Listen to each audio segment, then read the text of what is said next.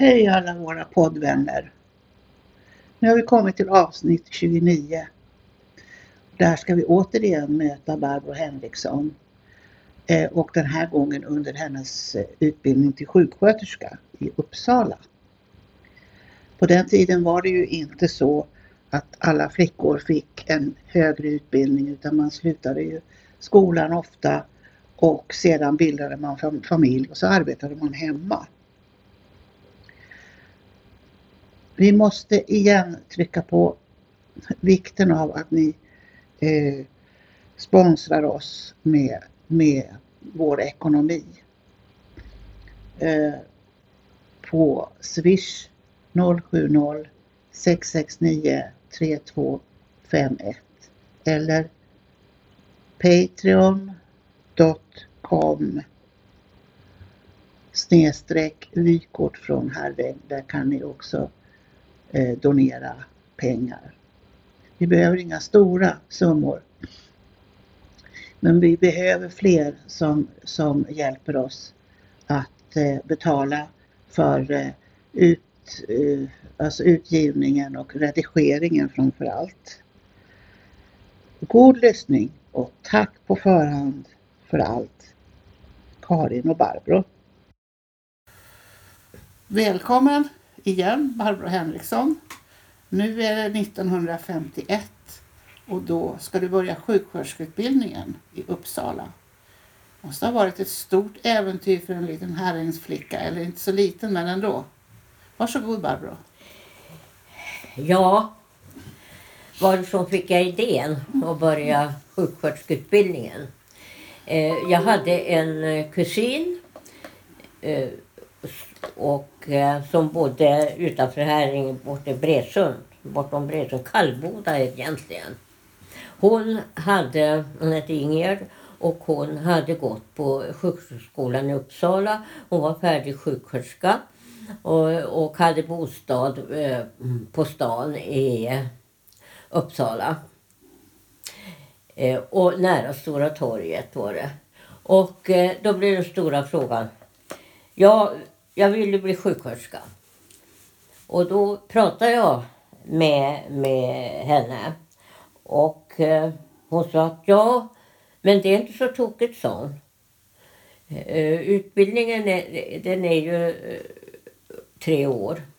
Och du eh, bor bra och äter bra om du nu söker till Uppsala. Och det är en bra skola, det är bra lärare och framförallt är Uppsala en bra stad att vara i. Lagom stor. Jag hade aldrig varit i Uppsala tidigare. Eh, och, och jaha, jag ansökte. Jag fick tid för att eh, gå som provelev. Eh, och under tiden så fick jag bo hos min kusin Ingegerd. Eh, och, eh, och det, ja, det var ju faktiskt en, en upplevelse att komma dit. För det första så lämnar man den lilla orten Herräng, alla vänner. Man lämnar mamma och pappa. Och eh, trots att man ibland kanske tyckte att de var väl så påpassliga på mig som föräldrar. Eh, och kanske lite grann också pushade på eh, Eh, att eh, ta ställning till vad jag ville göra. Och det var här då den här kusinen kom in i bilden eh, och kunde berätta om Uppsala. Dels hur bra det var, hur bra staden var, att det var en bra skola, att det var bra rektor och så vidare. Så det var därför då som jag satsade på att hamna där. Och eh, blev då antagen som provelev som det hette i två månader. Och då skulle jag gå på en eh, medicinsk avdelning. Kvinnlig avdelning. Och då skulle jag, eh, då hade man inte bostad eh, på skolan som elever hade utan att jag bodde hos min kusin.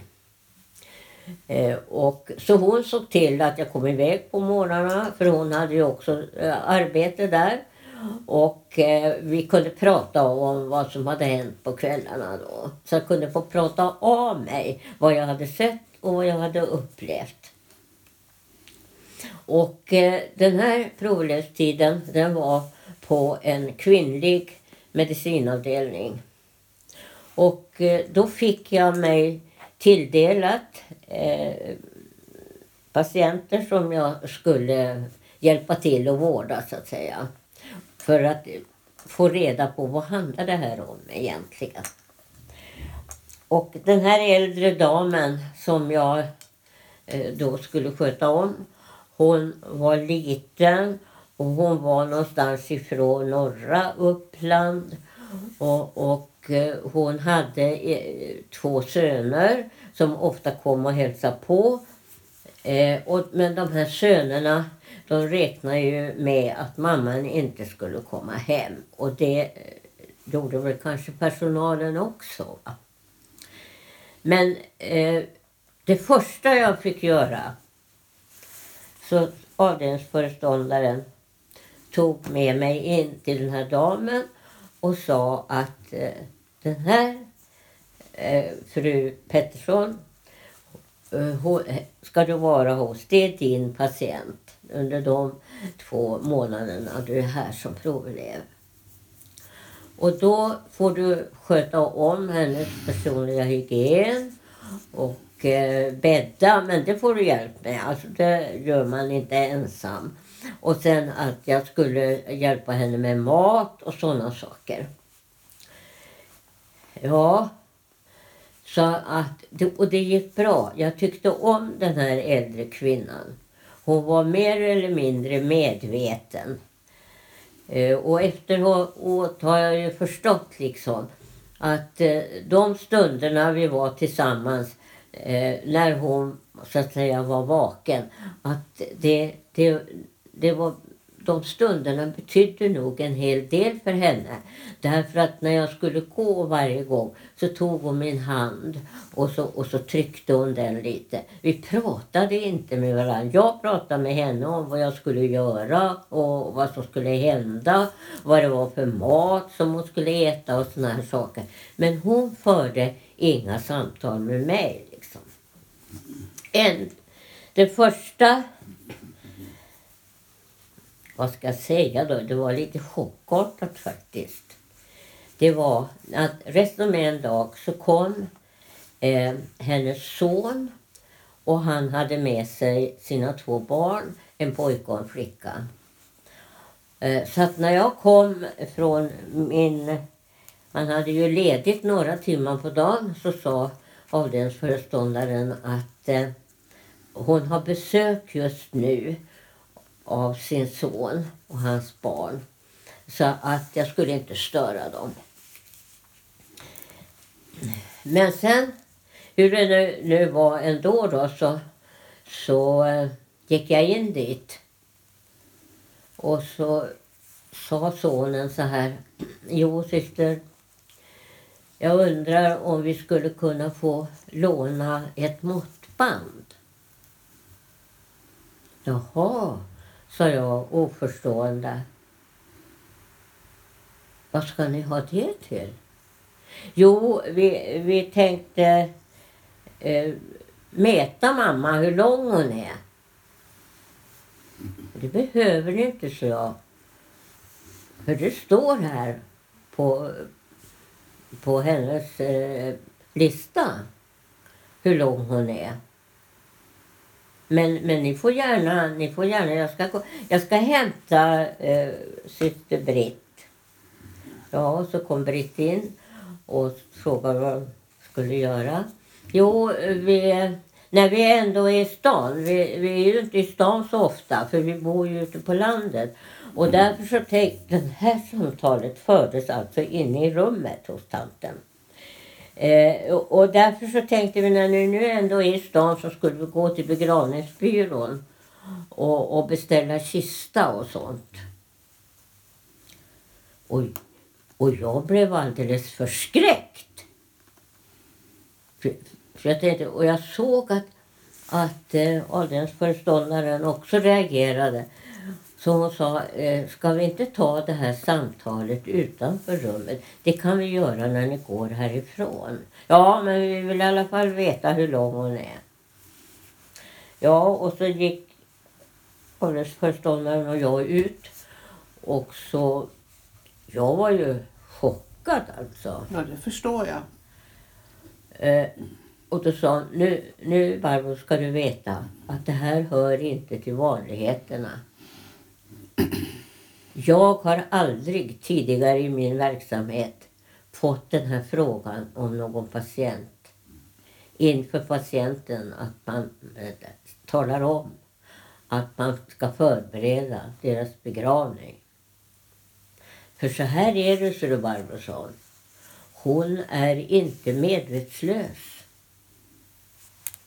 Men däremot så är hon inte aktiv och hon eh, äter inte själv och så. Men vad som finns i hennes hjärna, det vet vi inte. Hon har hörseln kvar därför att vi kan prata med henne och hon svarar. Så hon har hört det här. Eh, och, och, och, jag var mer eller mindre Ja men vad, vad gör man då då, sa jag som personal. Jo, nu ska jag gå in och när de är redo att åka hem så ska jag ha ett samtal med dem. Det var alltså den första inblicken i vad man, vad man kan ställas inför när man arbetar i sjukvård. Och inför mötet med anhöriga. Mötet med, med patienterna. Det hade vi pratat mycket om och det, det, det tyckte jag var en rolig del av arbetet. De här samtalen med de som var sjuka så att säga. Vad de hade för önskemål, vad de tänkte och vad de tyckte. Så jag gick hem när dagen var slut och funderade på Vågar jag fortsätta med det här? Kan jag möta sådana här situationer i framtiden? Eh, när jag kom tillbaka så eh, samtalade avdelningsföreståndaren med mig igen om den här situationen. Och hon sa att Barbro ska fortsätta och ta hand om den här damen på morgnarna och eh, hjälpa henne med mat och, och med tvätt och, och, med allting sånt här. Se till att hon sitter uppe när vi bäddar sängen och sånt. Det, det här det lärde mig otroligt mycket om hur viktigt mötet är mellan den som är sjuk personal respektive anhöriga. Jag förstår så väl. Ja. Det känns ju i maggropen hur mamman kände och förmodligen sonen också egentligen. Men han var ju, han tyckte han var rationell. För det ja. var han ju på ett sätt. Ja, de var ju rationella. Alltså, och, och det var det åldersförstånd han pratade med mig om. Om vi ska se något positivt i det här, sa så är det ju att de anhöriga var förberedda på vad som skulle hända att hon inte skulle komma hem. Och sen så följer det ju då en massa praktiska saker som ska ordnas eftersom hon inte var i sin hemtrakt. Mm, jag förstår det. Idag vet man ju mycket, mycket mera om att man hör Ja. Ända tills man dör ja. så hör man och tar till sig ja. och känner, känner känslorna. Ja, så att, så att eh, när hon hade pratat med mig då och vi hade kommit överens om att jag skulle fortsätta så sa hon att det finns ingenting som hindrar att inte Barbro, om det inte är mycket annat att göra på avdelningen, att inte Barbro går in och är med henne mm. och talar om att du är här och och, och det där. För hon pratade inte med oss, den här damen. Utan hon, hon var säkert inne i sin egen värld. Och gjorde sitt eget slut. Och kände ändå, ja det är säkert. Men hon kände ändå att ni brydde sig om henne. Ja. Men det var väl vad man skulle kalla idag för en rivstart på utbildningen. För sen kom du ju att börja sjuksköterskeskolan efter den här Ja, provperioden. ja. Och då vet jag att ni lärde er väldigt mycket men jag vet att ni hade väldigt roligt också. Ni tjejer, ni bodde då tillsammans. Eh, I en korridor kanske? Vadå? Bodde ni i en korridor med gemensamt kök? Ja, ja just det. Vi, sjukvårdsskolan var ju byggd så att säga i eh, en bottenvåning och eh, två våningar ovanpå. I, I bottenvåningen så hade rektorn sin expedition i samma hörna där entréhallen fanns. Så hon såg alltid eh, att man vilka som kom och vilka som gick och vilken tid det var och sådär. Eh, och det där eh, tänkte jag inte så mycket på när jag gick provelev. Men det, man, man hade ju kontakt med de som var elever och hade påbörjat sin utbildning. Och, och eh, där, där jag förstod att de ibland tyckte att det var lite besvärligt. För att hon kunde sitta ganska sent i sitt fönster. Hon jobbade, det gjorde hon. Så hon satt inte bara och glodde i fönstret. Hon jobbade ju. Men hon var ju hela tiden medveten om vilka som kom och gick. Va? Ja, det var som en ny mamma då. Va? Det var som en ny mamma som passade Ja, på er. ja, det kan man säga att det var. Mm. Och det, när provelevstiden var över så fick jag ju veta att jag skulle få börja som ordinarie elev. Och då installerade man sig på ett annat sätt på sitt rum. Vi, hade, vi bodde två i varje rum så att säga. Och det, det, det, det, det var ju väldigt bra att man var två. För att eh, man upplevde ju alltid under utbildningstiden situationer där man väldigt gärna ville fråga någon annan Har du varit med om det här? Och hur var det? Och så vidare. Innan man gick. Man ville ju inte gå och kanske störa lärare och rektor och sådana saker. Visserligen fick man ju svar på avdelningen men, men ibland var det väldigt bra att kunna prata med en utomstående som inte var med delaktig i arbetet. Alltså. Ja, mycket bra skulle jag tro Ja, att det var. och eh, då var ju den här rektorn Elisabeth Illner, hon var, hon var en fantastisk människokännare.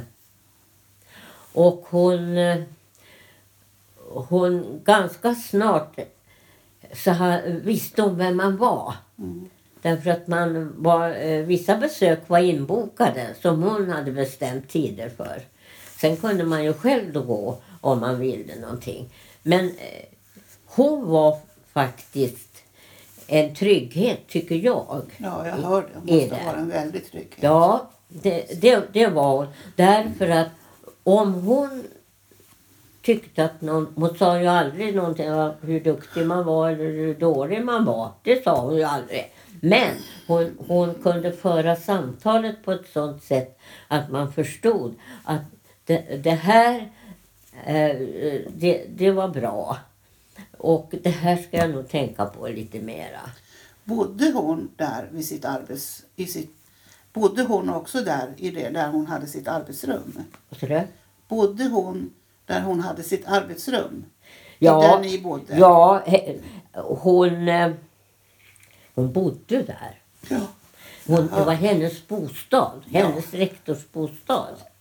Medan däremot övriga lärare eh, så fan, hade sina rum där. Men det var inte säkert att de övernattade utan de hade ju en bostad ute på stan kanske. Just precis. Eller så. Ja. Ja. Men hur var det nu med de här besökarna som kom som inte fick komma? Som Ja, alltså, för det första så, så stängdes porten klockan 22.00. Så då kunde, efter det kunde ingen komma in om de inte hade bestämt tid med eleven så hon gick ner och öppnade dörren Mm. och släppte in dem. Det kunde man ju göra. Mm. Men 20, efter klockan 22 så skulle det... Och jag tror att eh, vi respekterade det. Va? För vi behövde ju också sova till att det där. Men då var det ju så här. Klockan 22 när porten skulle låsas. Innan alltså. Så gick eh, den tjänstgörande eh, läraren, sjuksköterskeläraren, rond Det var tre våningar, bottenvåningen, en trappa, två trappor. Då gick hon genom korridorerna och lyssnade. Och när, om hon då hörde att det var besök i något rum eller så. Då kunde hon knacka på och säga att eh, nu är besökstiden slut så nu får ni, nu får ni gå. Ja. Vad häftigt. Eh, men det, det, där kunde ju, det där kunde ju lösas på olika sätt. Eh, för jag vet ju att det fanns de som eh, eh de, kom ju och frågade, Hör du, är du hemma ikväll? Ja, ja jag är till tjänstgöring ikväll. Jo, för att jag får besök av min pojkvän. Och du vet, du vet att de, de, efter klockan 21 får vi inte ha besök. Eh, och, och, och eh, hon vet ju, de, de visste ju, de som satt i vakten, vilka som kom. Och de kände ju igen oss. Ja. Så jag menar, det, det, jag eh, kan, kan om du nu hette Pelle då, kan Pelle få stå i din garderob när hon tittar in hos mig? Ja. Jag gjorde det en gång, men sen sa jag, sen fick de sköta det själva. Ja. Alltså man kunde ju inte. Det var ju lite larvigt, tyckte jag. Ja, för du satte dig ju faktiskt också för Ja, lite obehag. ja. Men det, de i vakten de visste ju vilka av oss som hade fasta sällskap. Ja. Va? Och som kontinuerligt kom och hälsade på. Mm. Så, att, så, så att det var ju ett alldeles speciellt liv det där.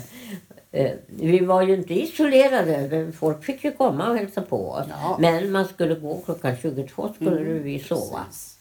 Och där gick du i tre år Ja, tre och år. lärde dig väldigt mycket. Ja, jag, eh, jag lärde mig väldigt mycket. För det första då så eh, beror det på vad man hade för placeringar. Men eh, det, därför att jag hade, det positiva med den här rektorn, det var att alla i början av sin utbildning fick komma till henne på ett två timmars långt samtal där hon ville att man skulle berätta vad vill du göra som sjuksköterska Ja. när, när utbildningen är slut? Vad vill du jobba med? Varför har du kommit? Och efter det sen så tänkte hon ut en utbildningsplan. Visserligen fanns det generell plan, men man skulle ju passa in i den. Och det, det som var bra med henne, det var att man kunde ha enskilda önskemål. Eh, och då kunde man få en längre placering där och en kortare någon annanstans. Som, som, där man ändå behövde ha kunskapen. Men inte tänkte sig i första hand att arbeta med. Det låter väldigt genomtänkt. Vad var det du var intresserad Ja. av? Kommer Ja. du ihåg det? Och sen förstås så förde hon upp det. Hon förde ju bok på allting. Och eh, sen rapporterade ju hon till de som undervisade oss. Eh, eh, för man hade ju också en ansvarig eh, lärare så att säga. Det var ju kvinnor som var lärare. Däremot eh, läkarföreläsningar och föreläsningar av, eh, annat slag, mera tekniskt kunnande i sjukvården och sådär. Det kom det folk utifrån, alltså från sjukhusets sida. Och det kunde vara både män och kvinnor som kom.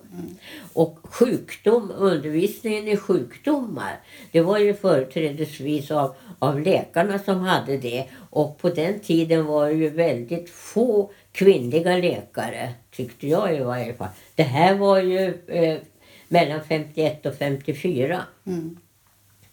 Så att jag var ju ung när jag började. Men du hade en speciell tanke med vad du ville göra? Ja, Mm. jag hade en tanke. Vad var det?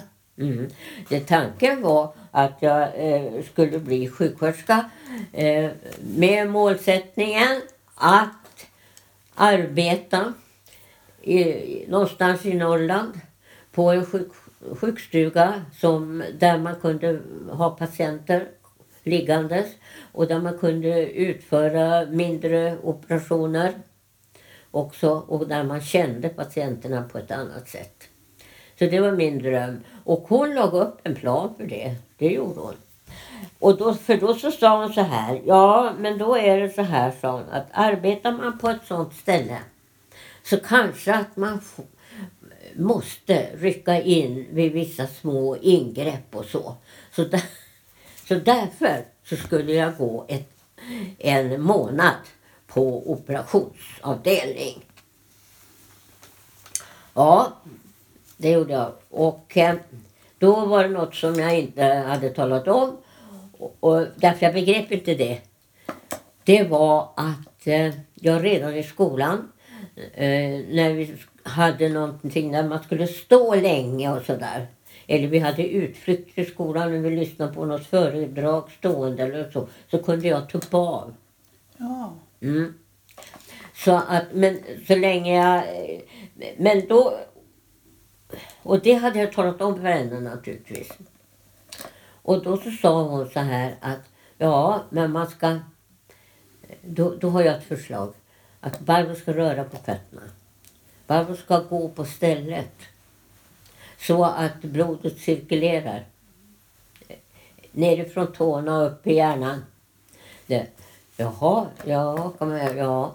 För att då, och, och hon skräddarsydde. Hon frågade, hon frågade vad man ville göra. Och sen skräddarsydde hon en utbildning efter det. Det var vissa moment som alltid var med och som var gemensamma för alla. Men sen kunde hon, alltså hon lade upp våra utbildningsplaner och sen fick lärarna följa det. Va? Mm. Det låter alldeles fantastiskt. Ja. Och jag vet ju genom att jag känner dig och vi Ja. pratar hur mycket kunskap du fick och hur du har omsatt den på ett bra sätt. Fantastiskt bra sätt. Ja, Att du kan väldigt mycket, att du står för det du kan. Att du ser människor när du pratar med dem. Mm. Allt det här har ju gagnat dig jättemycket. Vi får tacka så mycket ja, för den här. Det, jag blir alltid så berörd när du berättar eh, av olika saker och så. Men jättemycket tack för det här.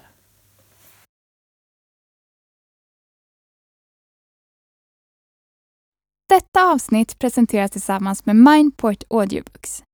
Ett mångkunnigt ljudboksförlag med egna inläsare och flera kända titlar i katalogen. Vill du få din bok eller företagstext inläst kan du vända dig till oss för kostnadseffektiva erbjudanden. Gå in på mindport.se och välj ljudboksproduktion. Upplev flera berättelser och objekt på plats med Geostory-appen. I appen kan du också tävla om att bli väktare och beskyddare för dessa. Finns där appar finns. Har du förslag på intressanta och bra berättelser som du tycker borde finnas i Geostory? Gå då in på geostory.se, välj bidra under meny och klicka sedan på förslag på Geostory. Vill du även hjälpa till och sponsra redan inlämnade historier kan du välja insamling och sen sponsra med det du vill och kan. Vill ditt företag höras här? Kontakta då oss gärna på info@geostory.se för att vara med och sponsra